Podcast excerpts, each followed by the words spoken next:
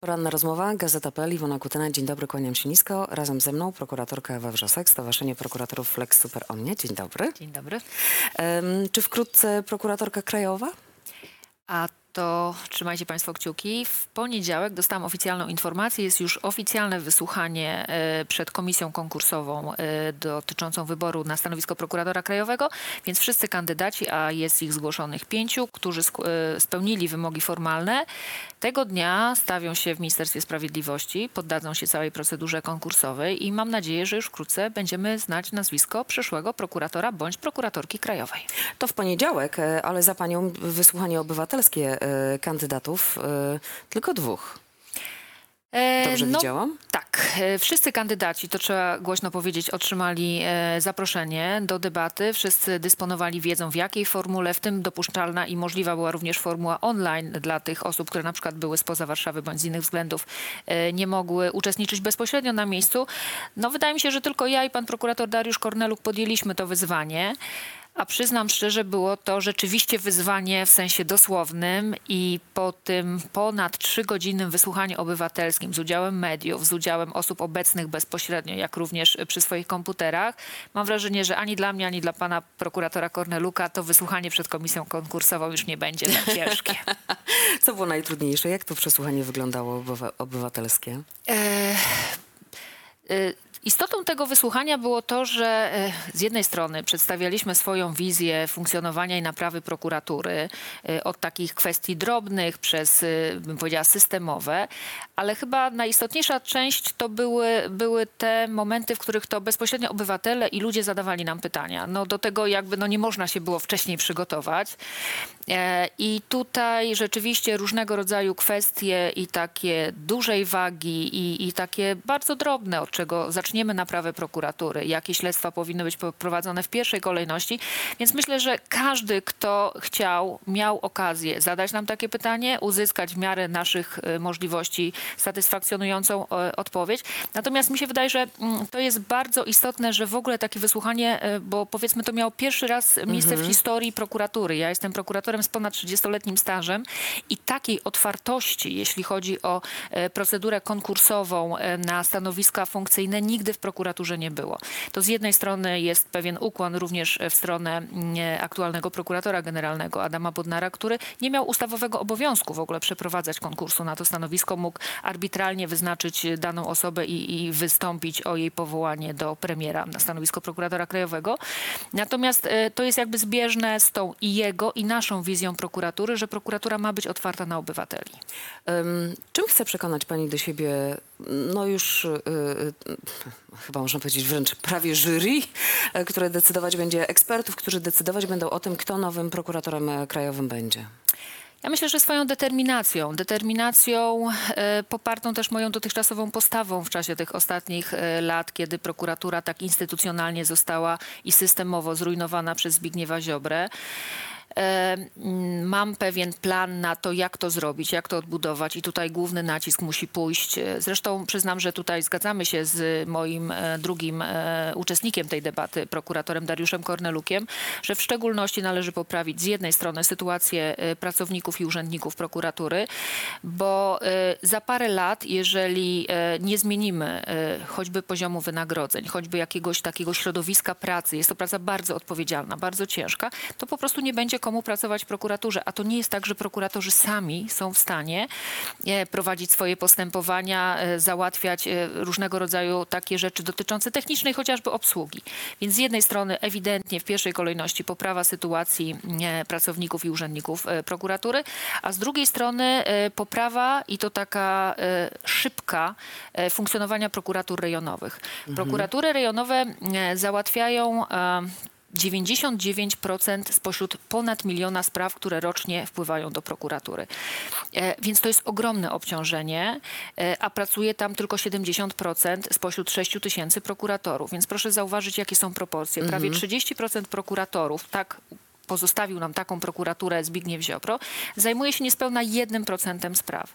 I tak czysto bym powiedziała obiektywnie, usprawnienie tych prokuratur rejonowych przełoży się szybko i wprost na usprawnienie 99% prowadzonych przez nas spraw. Czyli 99% obywateli, którzy przychodzą do prokuratury załatwiać swoje sprawy. Niekoniecznie są to te sprawy wielkie, te sprawy, mm, gdzie mamy elementy polityczne, czy jakieś wielkie śledztwa Mhm. tak, bo o nich jest gospodarcze. najbardziej głośno. Tak, o nich jest najbardziej głośno, natomiast są to, powiedzmy, jest to stosunkowo niewielki, niewielka liczba spraw.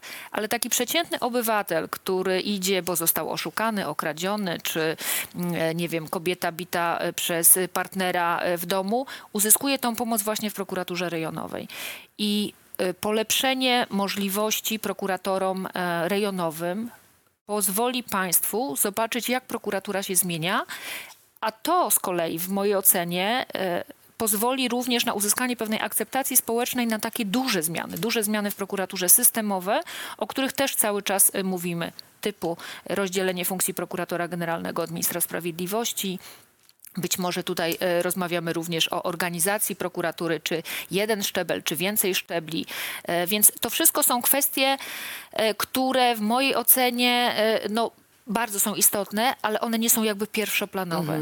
Zwłaszcza, że też zwrócę uwagę, że cały czas bazujemy i funkcjonujemy na podstawie ustawy Prawo o prokuraturze, którą odziedziczyliśmy po Zbigniewie Ziobrze. Więc to jest e, model taki prokuratury czysto postsowieckiej, dodatkowo ukierunkowany na to, aby e, wcześniej prokurator generalny, a po tej tak zwanej ustawie betonującej prokuraturę, prokurator krajowy miał możliwość e, w zasadzie wyłączną kompetencję wpływu na wszystko w prokuraturze. Więc taka sowiecka centralizacja władzy to jest właśnie ten model prokuratury, który nam pozostał. A według pani e, w, w takiej nowej em, prokuraturze jest miejsce na Wydział Spraw Wewnętrznych?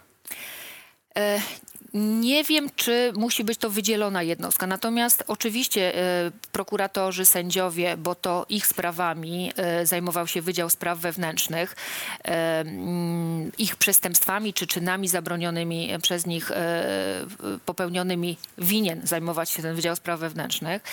Natomiast jakby Stąd y, jakby mam taki dysonans, dlatego że Wydział Spraw Wewnętrznych Prokuratury Krajowej, on tak naprawdę zajmował się tymi sędziami i tymi prokuratorami, którzy nie podobali się Zbigniewowi Ziobrze. Tymi- Niepokornymi. E, tak, to jest bardzo Według, ładne. e, Tak, to jest ładne określenie, natomiast e, no, ja ten wydział postrzegam jako takie narzędzie właśnie polityczne w całej upolitycznionej prokuraturze, czyli jeszcze bardziej e, wysunięty jakby e, przyczółek prokuratury, właśnie po to, aby e, gasić i, i skutecznie zamykać usta sędziom, prokuratorom, tym, którzy krytykowali Zbigniewa Ziobrę, którzy krytykowali łamanie praworządności w naszym kraju. No to są sprawy sędziego Tulei, e, sędziego Ferka, sędziego Żurka. Gąciarka, Żurka. Również moja sprawa tam się toczy, jeśli chodzi o, o różnego rodzaju wcześniejsze działania dotyczące wszczęcia e, wyborów kopertowych, więc e, nie słyszeliśmy o takich sprawach, w których e, ten wydział rzeczywiście zająłby się sprawą, nie wiem, sędziego, który mm, prowadził, czy prokuratora prowadzącego pojazd w stanie nietrzeźwości. A to są takie najbardziej drastyczne Tak. sytuacje w mojej ocenie. A według pani jest miejsce w ogóle w przestrzeni, nie wiem, sędziowskiej czy prokuratorskiej dla takich ludzi, którzy na przykład e, em, sterowali chociażby takim wydziałem, tak jak Paweł Wilkoszewski, no, który został już odwołany, czy nie wiem, chociażby e, Piotr Schab, który został odwołany z funkcji prezesa Sądu Apelacyjnego w Warszawie. Czy tacy ludzie e, powinni zostać? E, moim zdaniem żadna z tych wskazanych osób, ale jest tych osób dużo, dużo Dokładnie. więcej, nie posiada odpowiednich walorów czy etycznych, czy moralnych. Nasza ustawa Prawo o prokuraturze mówi, że prokuratorem może być osoba o nieskazitelnym charakterze. E, Więc z jednej strony e, te osoby, które właśnie zaangażowały się w takie upolitycznianie sądów czy prokuratur, które godziły się na to z różnych względów, czy osobistych dla awansów, czy ze strachu czasami e, i, i, i poszły niejako na współpracę z, z tym politycznym e, przełożonym, którym był Zbigniew Ziobro. W mojej ocenie nie ma dla nich miejsca w, ani w prokuraturze, ani w sądach, więc oczywiście to teraz publiczne rozdzieranie szat, że e, nie wiem, chociażby ostatnio e, słyszałam pani prokurator Magdalena Kołodziej, która została odwołana z funkcji zastępcy prokuratora okręgowego w Warszawie, a następnie delegowana do prokuratury rejonowej, jako prokurator liniowy do załatwiania właśnie tych 99% spraw, o których mówiłam. E, I jest to podnoszone jako e, przykład, e, powiedzmy, swego rodzaju, w cudzysłowie powiem, szykan ze strony obecnego kierownictwa prokuratury. No wystarczy wspomnieć, czym pani Kołodziej zajmowała się dotychczas. Pani Kołodziej to jest ta prokuratorka, która umorzyła śledztwo w sprawie głosowania w sali kolumnowej. Skutkiem czego później sędzia Igor Tuleja przecież miał całe postępowanie karne, wnioskowano o uchylenie mu immunitetu, chciano go zatrzymać, doprowadzić e, przed Izbę Dyscyplinarną Sądu. To jest również ta prokuratorka, która e, z takim bardzo e, no, skandalicznym uzasadnieniem umorzyła śledztwo w sprawie pobicia kobiet podczas Marszu Niepodległości na, na moście Poniatowskiego, gdzie to chyba wszystkim Państwu, którzy śledzili być może tę sprawę, wryło się w pamięć, jak uzasadniała, że wprawdzie sprawcy bili te kobiety, no ale nie celowali w newralgiczne dla zdrowia okolice, więc należy to uznać za po prostu działanie o jakiejś niskiej szkodliwości społecznej. Więc to jest, to jest tego, tego rodzaju osób w prokuraturze. Ja tu się posłużyłam najbardziej jakby bliskim mi przykładem, bo znam panią prokurator osobiście i, i pracowałyśmy w jednej jednostce przez wiele lat. Takich osób w prokuraturze jest bardzo wiele i e, nie ma dla nich miejsca w wymiarze sprawiedliwości, gdyż nie dają gwarancji rzetelnego wykonywania swoich obowiązków. E, No, powiem może tak wprost i brutalnie, no ale jeśli już ktoś raz złamał w ten sposób prawo, jeżeli ktoś dał sobie złamać kręgosłup, to trudno oczekiwać, aby y, ten kręgosłup, czy, czy jakąś taką swoją postawą w przyszłości dawał gwarancję tego, że będzie y, takim prokuratorem, jakiego chcielibyście Państwo widzieć. Jest projekt ustawy odnośnie nowego KRS-u. Y, czy to, co się tam znalazło i co proponuje y, resort sprawiedliwości, pani odpowiada i tam się znalazło wszystko, co powinno? E, Ja przyznam szczerze od razu, że nie jestem e, osobą aż tak kompetentną, e, no bo jestem prokuratorem, nie sędzią. Czytam jedynie i zapoznaję się z głosami środowiska, jak również ze stanowiskiem ministra sprawiedliwości, prokuratora generalnego profesora Bodnara. Ja rozumiem pewne wyważenie racji, że nie wszystko możemy osiągnąć od razu. Nie, nie, nie mm, wiemy, że Krajowa Rada Sądownictwa w tym kształcie i w ten sposób powołana, jak funkcjonuje obecnie, nie jest organem konstytucyjnym, nie stoi na straży niezawisłości sędziowskiej. Więc e, ja przyznam szczerze, że sama zaliczyłabym się do, do tych osób, które oczekują bardziej zdecydowanych działań, e, szybszych działań. Natomiast no, gdzieś ta druga strona moja też e, ma świadomość, że no, nie wszystko jesteśmy w stanie osiągnąć od razu, zwłaszcza przy e, osobie, która obecnie pełni e, urząd e, prezydencki, która zapowiada wetowanie e, tego rodzaju zmian, chociażby uznając, że ma niejako prawie boską kompetencję do mianowania sędziów Rzeczpospolitej Polskiej. E, Więc to jest oczywiście nie jest to sytuacja jednoznaczna. E, Doceniam to, że ta ustawa plus również ustawa Nowe Prawo o prokuraturze też już e, lada moment będzie procedowana w Sejmie. Należy to, e, te procedury uruchamiać, e, próbować osiągnąć maksymalnie dużo. Na ile to się uda, to jest niestety już w gestii wyłącznie polityków. No z tym zastrzeżeniem, że gdzieś tam na końcu drogi ustawodawczej mamy prezydenta. No więc właśnie i w związku z tym pewnie też próba obejścia zmian w Trybunale, ale o tym za moment, ale tylko też poproszę panią o komentarz, bo o tym przez, przed wejściem na antenę przez chwilę rozmawiałyśmy a propos prezydenta Dudy, który już wczoraj wieczorem zapowiedział, że nie podpisze ustawy w sprawie e, tak zwanej tabletki dzień po. Wczoraj została przez Sejm e, przyjęta. Wydawać by się mogło, że to rzecz absolutnie naturalna, na którą Kobiety czekają przede wszystkim, czy młode dziewczyny, e, a okazuje się, że prezydent Duda mówi o bombie hormonalnej i zapowiada, że ustawy nie podpisze. Znaczy ja myślę, że pan prezydent niejako nie wyszedł z roli. Tak jak e, uznając się za autorytet prawniczy i strażnik, e, za strażnika konstytucji, e, łamał tą konstytu- konstytucję wielokrotnie w sposób no, bardzo skrajny miejscami, tak teraz jakby umiejscowił się na takiej pozycji strażnika, nie wiem, moralności, strażnika praw kobiet, osoby, która wie lepiej, na czym polega antykoncepcja awaryjna. Znaczy dramatyczne jest tylko to, że no może nie, nie wszystkim spodoba się to, co teraz powiem, ale e, my kobiety jesteśmy obywatelkami pełnoprawnymi, jesteśmy większością tego społeczeństwa, a nasz głos gdzieś ciągle jest e, spychany e, gdzieś w tle z takim założeniem, że to mężczyźni wiedzą lepiej, jak będziemy, jak powinnyśmy żyć, jak powinnyśmy planować swoje, swoją prokreację. Ustawiają nam życie z takiej pozycji osób będących lepiej wiedzących, czego my naprawdę chcemy, bo, bo oczywiście te nasze pragnienia czy nasze e, oczekiwania, że będziemy równoprawnymi obywatelami Rzeczpospolitej Polskiej, to, to gdzieś są podszytem tym, że my nie wiemy tak naprawdę, czego chcemy. Zresztą najlepszym przykładem jest już dyskusja, e, jaką wywołuje temat aborcji chociażby, prawda? I zobaczymy, w jakim Dokładnie kierunku tak. to pójdzie. Ale zostawiając, no właśnie, Trybunał Konstytucyjny. Mm, Minister Bodnar już zapowiedział, że na najbliższym posiedzeniu Sejmu mają być przedstawione projekty ustawy oraz uchwały w sprawie Trybunału Konstytucyjnego. Co tutaj e, resort sprawiedliwości, rząd w ogóle jest w stanie zrobić, żeby jakiekolwiek zmiany w tym Trybunale miały miejsce? Znaczy zarówno przykład Trybunału Konstytucyjnego, jak wcześniej mówiłyśmy o e, tej Krajowej e, Radzie Sądownictwa w- postaci tej neo-KRS-u, no to są bardzo trudne przypadki do, e, że tak powiem, przywrócenia stanu zgodnego z Konstytucją. Bo nie tylko zapisy ustawowe, ale również osoby, które w tych obu instytucjach są ulokowane niejako przez poprzednią ekipę rządzącą, no wielokrotnie dały przykład tego, że no nie powinny pełnić czy funkcji właśnie sędziów Trybunału Konstytucyjnego, czy tych osób zasiadających e, w KRS-ie. Znaczy pod względem prawnym i legislacyjnym e, niestety, no przykro mi, ale znowu uchylę się niejako od takiej bezpośredniej e, odpowiedzi, bo nie czuję się aż tak kompetentna w tym zakresie. Wiem, że jest również e, projekt ustawy zmieniającej e, funkcjonowanie Trybunału Konstytucyjnego.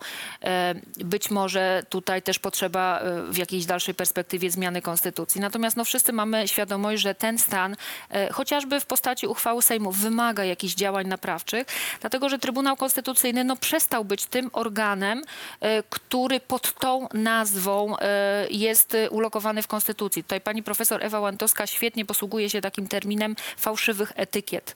Mówimy o instytucjach, które właśnie są niby Trybunałem Konstytucyjnym, Krajową Radą Sądownictwa, a tak naprawdę one są wyprane z jakiejkolwiek treści i zawartości, z jaką zostały e, w Konstytucji e, umiejscowione. E, I co też jest dość, gdyby to było dobre określenie, użyłabym sformułowania zabawne, ale ci wszyscy, którzy przez tyle lat łamali praworządność, nie stosowali się do orzeczeń Trybunałów Europejskich, teraz są najgorętszymi piewcami praworządności. No wczoraj, jak słyszałam narrację w sprawie wotum zaufania, nieufności wobec e, ministra Bodnara i właśnie ta narracja e, wnioskodawców, czyli Prawa i Sprawiedliwości, e, jak bardzo praworządność jest łamana w Polsce, no to było, tak jak pani powiedziała, można by powiedzieć zabawne. Znaczy to jest chyba jakiś no już skrajny poziom i hipokryzji i próby, chociaż wydaje mi się, że opinia publiczna nie da się zmanipulować. E, Znaczy ja rozumiem również intencje tych osób i, i te intencje zresztą bardzo wczoraj e, wybrzmiały wprost, e, zdemaskował je profesor Bodnar mówiąc, że te osoby po prostu boją się tego, co je spotka. One utraciły, tak jak członkowie Solidarnej, suwerennej Polski, utracili wpływ na Ministerstwo Sprawiedliwości. I wciąż się chyba z tym nie pogodzili. To, że się nie pogodzili, to, to, to jest jedno, ale ja mam wrażenie, że dociera powoli do poszczególnych osób, jak wielka odpowiedzialność karna również wprost na nich e, może spoczywać za te wszystkie działania. Tu mamy przykład Pegasusa, mamy przykład nielegalnych inwigilacji, wybory kopertowe. Tutaj tych płaszczyzn i obszarów, które no bezwzględnie powinny być rozliczone w najbliższej przyszłości jest tak wie, wiele, e, że jedyne czego się obawiam to, że, że prokuratura będzie musiała pracować naprawdę 24 godziny na dobę. E, Ale powiedzmy tak, czysto po ludzku rozumiem intencje tych osób, natomiast naprawdę ten poziom hipokryzji nawet mnie zaskakuje. A propos odpowiedzialności karnej e, i wspomnianej przez pani Komisji Śledczej do spraw e, Pegasusa, jak widać już wywołuje duże emocje, bo pierwsze posiedzenie, gdzie chociażby m, pojawiają się kwestie formalne, tylko e, mogliśmy obejrzeć, co, co się działo. Ale ja spotkałam się z taką opinią, przeczytałam w internecie, bo konstytucjonalista dr Kamil Stępniak, odnosząc się do wypowiedzi premiera Tuska podczas Rady Gabinetowej, gdzie premier powiedział, że posiada dokumentację potwierdzającą zakup i korzystanie Pegasusa w sposób legalny i nielegalny. On twierdzi, że w Polsce nie ma prawa, które zezwalałoby na używanie e, tego typu systemu i, i, e, i, e, i programu jak Pegasus, więc wszystkie działania związane z Pegasusem były i są nielegalne. I w pełni podzielam tą opinię. E, Tak moją, os- w mojej osobistej ocenie to sformułowanie pana premiera o tym, że były przypadki legalne stosowania tego e, nielegalnego narzędzia, no jest trochę niefortunne. E, I tu nawet nie opierajmy się e, tylko na opiniach prawnych. Mamy już wyrok e, sądu we Wrocławiu, e, Dokładnie. jego uzasadnienie e, z maja tego roku, gdzie e, bardzo drobiazgowo sąd po kolei e, odniósł się do e, tego, w jaki sposób to narzędzie, chociaż nazwa Pegasus tam nie pada, natomiast oczywiście z okoliczności e, sprawy możemy wnioskować, że to był Pegasus. Zresztą nazwa nie pada dlaczego? Dlatego, że e, sąd zwracając się do e, szefa CBA po prostu nie uzyskał wnioskowanych przez siebie odpowiedzi na to, jakie, co było przedmiotem i jakiego rodzaju narzędzie było stosowane do kontroli operacyjnej. Dwukrotnie szef CBA odmówił sądowi, co proszę zrozumieć, to jest, to, to jest, dla mnie to jest niepojęte, mimo że jestem prawnikiem. Szef służby specjalnej odmawia sądowi umocowanemu w Konstytucji udzielenia odpowiedzi, zasłaniając się tajemnicą. No, czy my jesteśmy w Rosji, czy na Białorusi? No to jest po prostu rzecz podobnym, abstrakcyjna. Podobnym przykładem niech będzie, to tak już zupełnie na marginesie, to o czym dowiedzieliśmy się wczoraj. Wiceminister Obrony Narodowej poinformował o tym, że nagle zginęły fragmenty Tupolewa, e, który rozbił się pod Smoleńskiem E, i wielokrotnie prokuratura w ciągu lat kilku e, prosiła o te, czy domagała się informacji na temat tego, gdzie te fragmenty są, a, a komisja Macierewicza nic. Ale to też jest przykład na to, jak funkcjonowała prokuratura w tych ostatnich latach. E, e, Uproszczę sprawę. Jeśli w zwykłym postępowaniu prowadzonym na naprawdę najniższym szczeblu komisariatu policji i nadzorującej go prokuratury zaginąłby dowód rzeczowy, to po pierwsze policjanci za to odpowiedzialni już dawno nie byliby policjantami i mieliby wdrożone postępowania dyscyplinarne i karne, ale również prokurator nadzorujący takie postępowanie, ponoszący odpowiedzialność z tego tytułu, też miałby e, przykrości. A tu przez wiele lat prokuratura wiedziała, że zginęły dowody i to tej wagi, tej rangi i nie robiono nic, tylko uprzejmie proszono, a może by jednak państwo oddali nam te dowody albo znaleźli, jak się skupiło. No to jest po prostu, no, mam wrażenie, że e, tego rodzaju sytuacje o których wcześniej nie wiedzieliśmy. Wiedzieliśmy o całym spektrum innych spraw, które budziły nasze, e, nie wiem, no, zdziwienie, zszokowanie i, i, i właśnie e, no, obnażały te, te kulisy funkcjonowania prokuratury e, w ubiegłych latach. No to teraz pojawiają się jeszcze, jeszcze kolejne e, tego rodzaju sytuacje. I wracając do tego, ja nie wiem, jak można bronić e, właśnie funkcjonowania prokuratury czy funkcjonowania wymiaru sprawiedliwości w latach 2015-2023, kiedy raz po raz tego rodzaju informacje opinia publiczna poznaje. To wracając jeszcze do Komisji Śledczej do spraw e, Pegasusa, kiedy pani będzie przed nią zeznawać? Już ma pani Nie termin? wiem, Jeszcze ale nie. byłam e, bardzo, że tak powiem, słowa mi brak.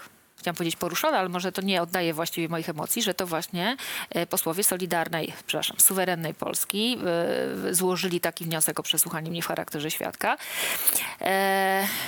Bardzo chciałabym, że tak powiem, skonfrontować się z tymi osobami e, w zakresie pytań potencjalnych, które pewnie do mnie mają.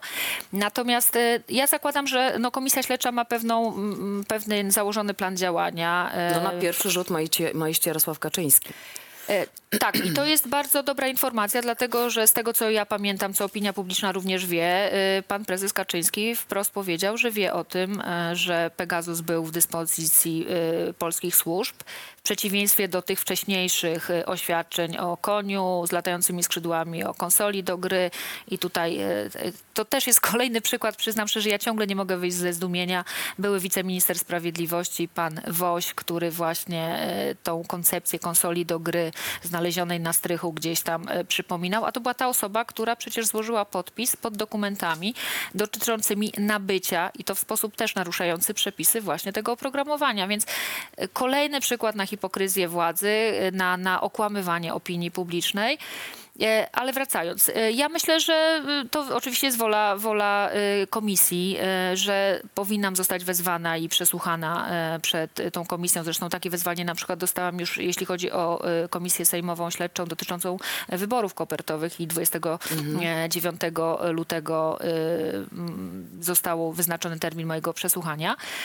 E, Natomiast y, jeśli miałabym osobiście mm, jakby pozycjonować y, sprawy, które w pierwszej kolejności powinny być e, do wyjaśnienia, to oczywiście nie ujmując tutaj powagi e, sprawie wyborów kopertowych, e, to jednak e, ta inwigilacja Pegasusem wydaje mi się dużo istotniejszą kwestią, bo to, kwest, to, to nielegalne oprogramowanie używane bez jakiegokolwiek nadzoru i kontroli, realnej kontroli ze strony prokuratury czy sądu, e, ingerowało w sposób zupełnie totalny w życie e, osób, o których już wiemy, o których jeszcze nie wiemy.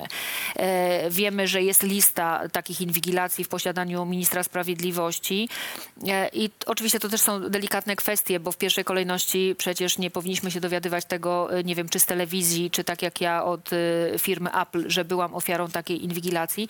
Mm, Pokrzywdzeni powinni no, mieć to już, już i tak zrujnowane prawo do prywatności, powinni się dowiedzieć jakby e, i sami podjąć decyzję o tym, czy z tą informacją chcą wyjść na zewnątrz, czy nie, E, bo to są rzeczywiście bardzo delikatne kwestie. Natomiast jest to, e, jeżeli sobie jeszcze tego nie uzmysławiamy, mm, no najbardziej e, chyba skandaliczna mm, sytuacja, z którą mieliśmy do czynienia na przestrzeni ośmiu lat ostatnich, kiedy to właśnie służby Kamińskiego i Wąsika, po drugiej stronie prokurator krajowy Święczkowski i Ziobro i sądy, które z jednej strony, bo, bo to też jest dość ciekawe, większość wniosków o zarządzenie kontroli operacyjnej e, e, w celu uzyskania zgody jest skierowana do Sądu Okręgowego w Zresztą Warszawie. Igor Tuleja sam po- powiedział, że ostatnio, że mógł udzielać takich zgód nieświadomie zupełnie. E, e, tak, dlatego że służby i to. To trzeba powiedzieć wprost, najzupełniej celowo nie wskazywały narzędzia technicznego, za pomocą którego e, tego rodzaju kontrole operacyjne em, prowadzą.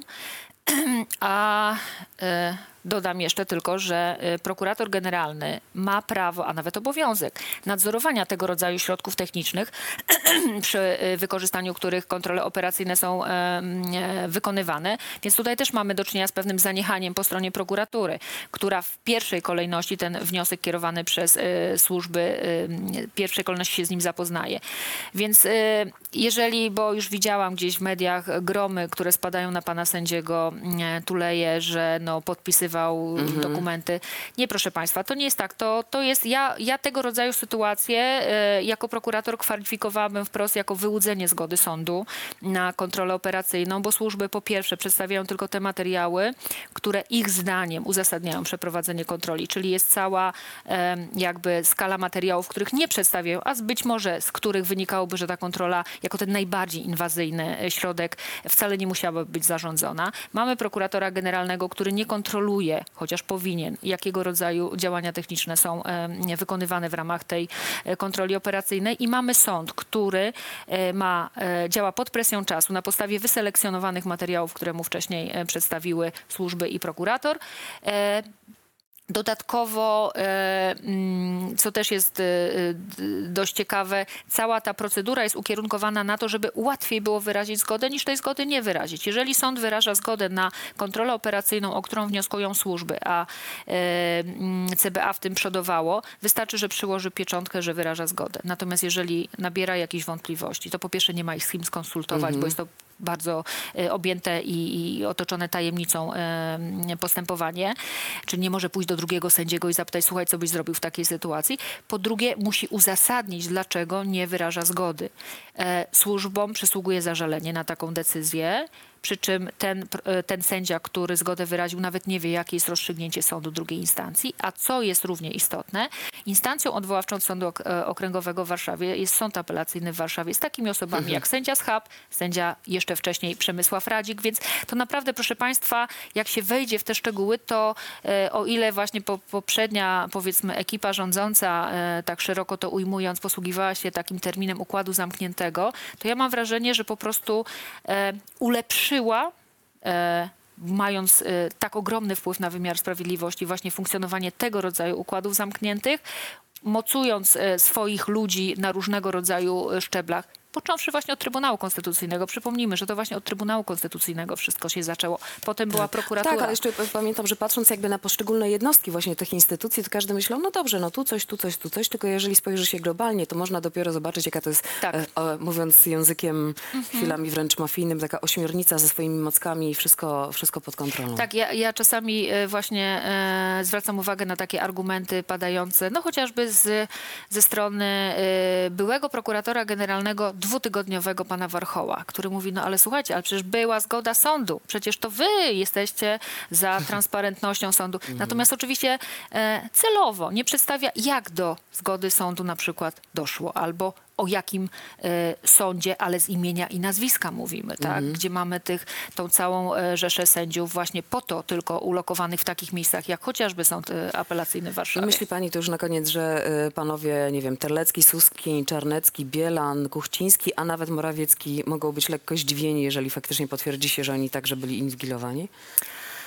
E, jak sobie przypomnę swoje osobiste uczucia, e, e, kiedy właśnie już uzyskałam pewność, nie tylko podejrzenie na podstawie komunikatu firmy Apple, ale później po zbadaniu mojego telefonu przez Citizen Lab i, i telefonu, który do mnie wykonano i, i, i wówczas uzyskałam już taką stuprocentową pewność, że w tych konkretnych datach, które zostały wskazane, mój telefon był inwigilowany Pegasusem, zasysano całą jego zawartość, wstecz, maile, smsy, zdjęcia, wszystko to ja, w- znaczy w ogóle uważam się za osobę dość e, twardą i doświadczoną już przez życie. To nie to, że jakoś się urodziłam z tą twardością, tylko po prostu e, życie mnie do tego jakby niejako zmusza.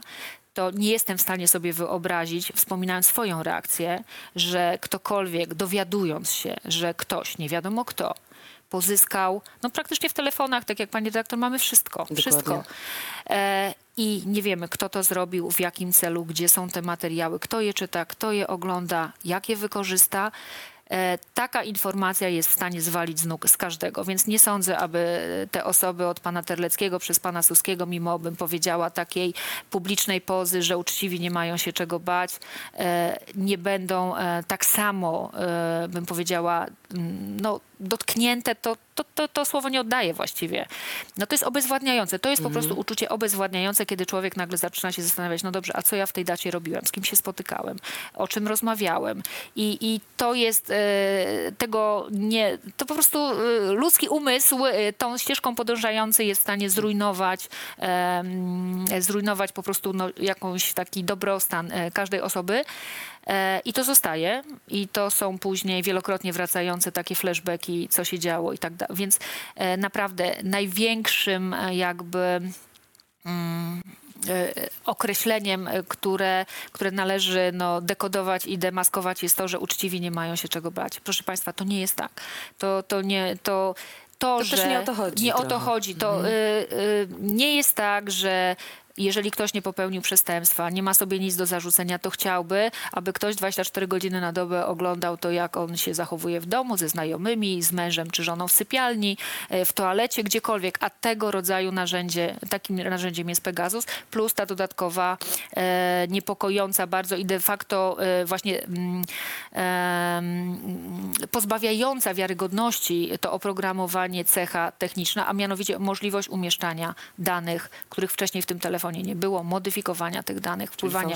Dokładnie tak, więc e, przy jeszcze naszych doświadczeniach na przykład z telewizją rządową w ubiegłych latach, to naprawdę jest raz uczucie obezwładniające, e, dwa w żadnym demokratycznym państwie prawa tego rodzaju narzędzie czy podobnego rodzaju narzędzia, bo postęp technologiczny postępuje, nie mogą być legalnie stosowane.